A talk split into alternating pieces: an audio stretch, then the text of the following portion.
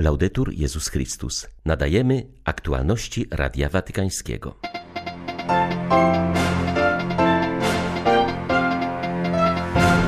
Papież przypomina męczeństwo koptyjskich chrześcijan w Libii z 2015 roku.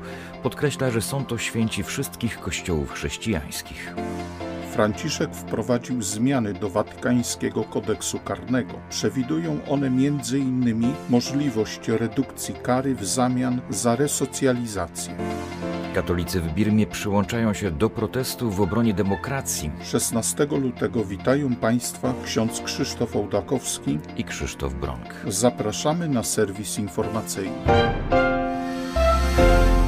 Papież skierował przesłanie z okazji szóstej rocznicy męczeństwa chrześcijan koptyjskich zabitych na plaży w Libii w lutym 2015 roku.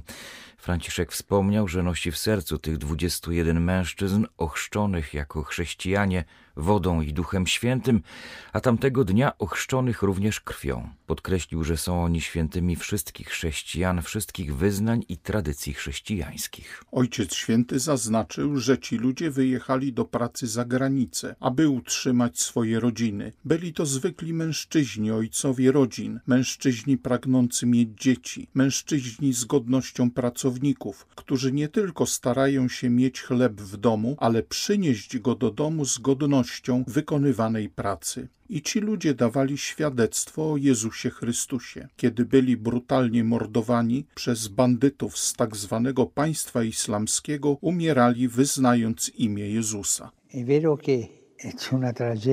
To prawda, że doszło do tragedii, że ci ludzie zostawili swoje życie na plaży. Ale prawdą jest również, że ta plaża została pobłogosławiona ich krwią. Ale jeszcze bardziej prawdziwe jest to, że dzięki swej prostocie, dzięki prostej, ale konsekwentnej wierze, otrzymali największy dar, jaki może otrzymać chrześcijanin świadectwo o Jezusie Chrystusie aż do oddania życia. Dziękuję Bogu, naszemu Ojcu, że dał nam tych odważnych braci. Dziękuję Duchowi Świętemu, ponieważ On dał im siłę i konsekwencje, aby dojść do wyznania Jezusa Chrystusa aż po przelanie krwi. Dziękuję biskupom, kapłanom bratniego kościoła koptyjskiego, którzy ich wychowali, nauczyli wzrastać wierze. I dziękuję matkom tych osób, tych 21 mężczyzn, które pielęgnowały ich wiarę. Są to matki świętego ludu Bożego, który przekazuje wiarę w dialekcie, dialekcie, który wykracza poza języki, w dialekcie przynależności. Il dialetto delle appartenenze. Papież Franciszek zmodyfikował watykański kodeks karny. Ogłoszone dziś motu proprio wprowadza możliwość złagodzenia kary, znosi procesy zaoczne oraz ustala rolę prokuratora podczas procesów apelacyjnych. Najważniejsze zmiany to możliwość zmniejszenia wymiaru kary. Papież ustanawia ulgę od 45 do 120 dni za każdy rok odbytej już kary, pod warunkiem, że skazany swym zachowaniem okazuje skutki skruchę oraz poddaje się resocjalizacji. Skazany w porozumieniu z sędzią ma wypracować program resocjalizacji, starając się złagodzić skutki swego przestępstwa. Może też zaproponować wykonywanie prac użyteczności publicznej czy wolontariat społeczny. Znosząc natomiast proces zaoczny, wprowadzone przez papieża modyfikacje przewidują, że jeśli oskarżony odmawia udziału w rozprawie bez wykazania uzasadnionej przeszkody, Proces będzie kontynuowany, a oskarżonego będzie reprezentował obrońca. Jeśli natomiast oskarżony nie może się stawić z powodu uzasadnionej i poważnej przeszkody, rozprawa zostanie zawieszona. Motto papieskiej wizyty w Iraku Wszyscy jesteście braćmi streszcza w jednym zdaniu pragnienia i marzenia ludu umęczonego wojnami oraz zamachami terrorystycznymi Uważa biskup Bazel Jaldo, biskup pomocniczy Bagdadu, główny koordynator podróży papieskiej ze strony kościoła irackiego. Hierarcha zaznacza, że to pierwsza w historii, a zarazem długo oczekiwana wizyta głowy kościoła katolickiego w tym kraju. Pielgrzymka Franciszka stanowi ogromne źródło nadziei na życie bez wojen, sporów i konfliktów w klimacie wzajemnego szacunku i tolerancji dla całego ludu irackiego. Najważniejszym etapem pielgrzymki Ojca Świętego będzie wizyta w Ur Chaldejskim na południu Iraku, skąd nasz ojciec Abraham wyruszył z misją powierzoną przez Boga.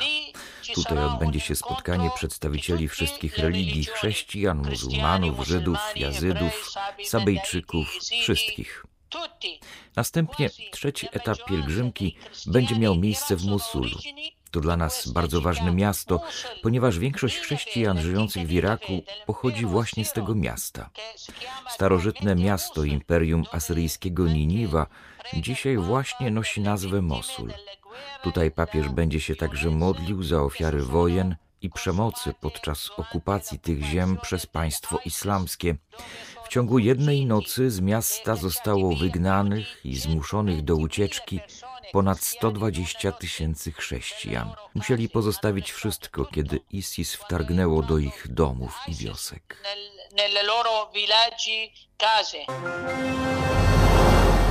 Chrześcijanie Bliskiego Wschodu potrzebują konkretnego wsparcia, by ich obecność na tych terenach była nadal kontynuowana. Trwająca dekadę wojna w Syrii pokazuje, że świat wciąż jest głuchy na rozpaczliwy krzyk bólu mieszkańców tych terenów. W rozmowie z Radiem Watykańskim wskazuje na to kardynał Leonardo Sandri, który jest prefektem Kongregacji dla Kościołów Wschodnich. Kardynał Sandri podkreśla, że w interesie świata jest to, by Bliski Wschód zupełnie nie opustoszał z chrześcijan. Ich obecność stanowi niezastąpiony wkład w budowanie pokojowego współistnienia tego regionu, bazującego na modelu międzyludzkiego braterstwa. Watykański hierarcha zauważa, że wyznawcy Chrystusa nie lubią określenia mniejszość. Wolą, jak mówi się o ich obecności, która jest nieprzerwana na tych ziemiach od czasów apostolskich. Nawet jeśli liczba chrześcijan zawsze była na tym terenie symboliczna, to wciąż ich obecność jest ważnym świadectwem, podkreśla kardynał Sandri. Przypomina, że ziemia ta od lat naznaczona jest krwawymi konfliktami, które doprowadziły do niespotykanego eksodusu chrześcijan. Najtragiczniejszym tego przykładem jest Syria, gdzie wojna trwa od dekady.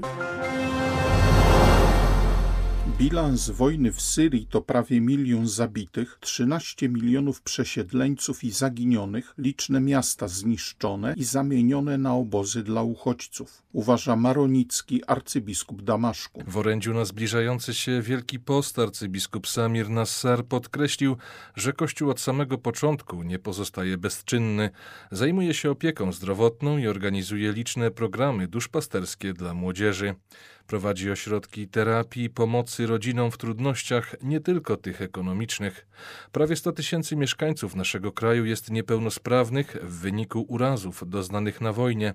Mają amputowane ręce lub nogi, a kraj nie potrafi zająć się nimi w sposób wystarczający zarówno od strony fizycznej, jak i psychologicznej, stąd nasze działania, napisał arcybiskup Nassar. Ordynariusz Damaszku zaznaczył, że konflikt w Syrii był najokrutniejszym, jaki widział świat po II wojnie światowej. Dlatego jako Kościół nie możemy uchylić się od podjęcia wyzwania odbudowy naszego kraju, zwłaszcza, że sankcje gospodarcze ograniczają znacząco pomoc, którą moglibyśmy otrzymać z zewnątrz, napisał arcybiskup Nazar. Nie sądziłem, że tak łatwo i szybko można zniszczyć cały kraj. Wierzę jednak, że Pan czuwa nad swoim ludem i nie pozwoli, aby jego łódź zatonęła. Czytamy w liście.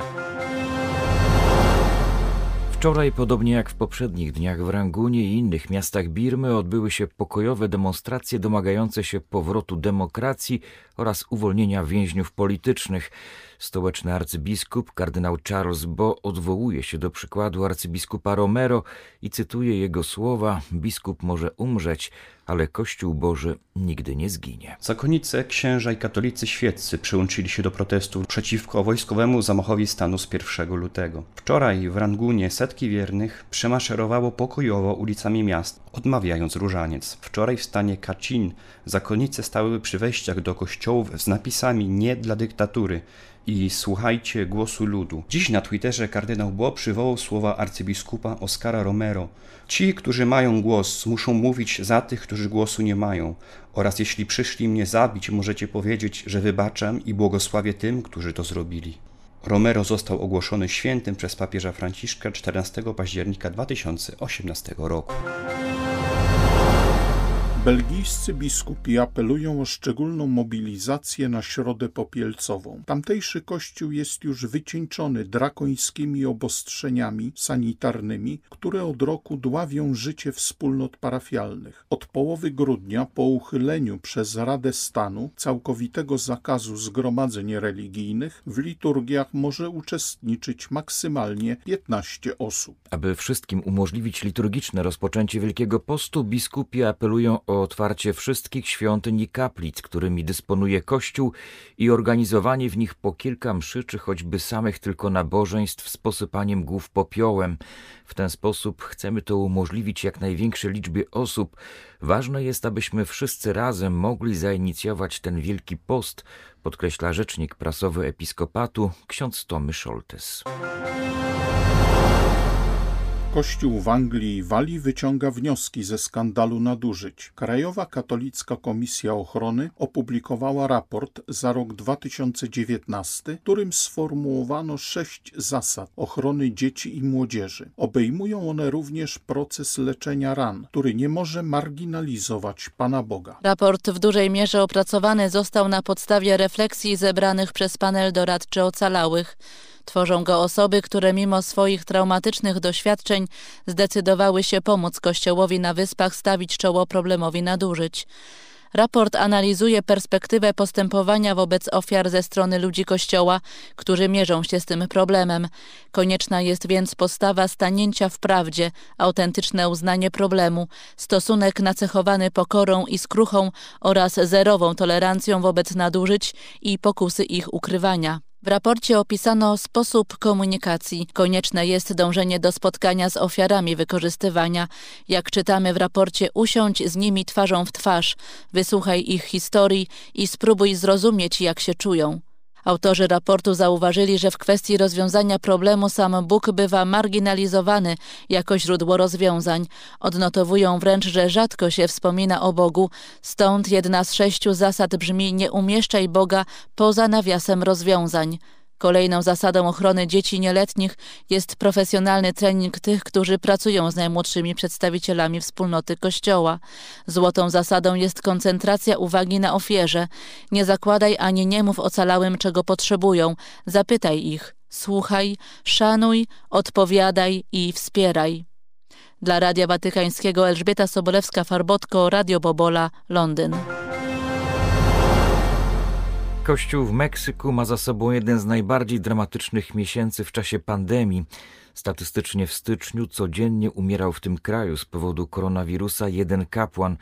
Według najnowszego raportu w Meksyku od pierwszego przypadku w kwietniu ubiegłego roku do końca stycznia tego roku na koronawirusa zmarło 172 księży, pięciu biskupów, dziesięciu diakonów, i siedmiu braci zakonnych. Dezinformacja, a raczej zalew informacji doprowadziły nas do nieodpowiedzialności, podkreśla cytowany przez agencję Fides ksiądz Perez Ramirez, proboszcz jednej z meksykańskich parafii. Doskonale wiem, że nie jest to jedyna przyczyna. Mieliśmy również do czynienia z niewłaściwym zarządzaniem na szczeblu rządowym, mówi ksiądz Ramirez, proponując inną wizję wyjścia z sytuacji kryzysowej. To nie jest moment na szukanie winnego, ale na działanie. To nie jest czas, aby spekulować, czy wirus jest polityczną i ekonomiczną sztuczką, ale raczej, aby mieć wrażliwość miłosiernego Samarytanina, aby współczuć tym, którzy cierpią i nie pomijać potrzeb poszkodowanych. Były to aktualności Radia Watykańskiego. Laudetur Jezus Chrystus.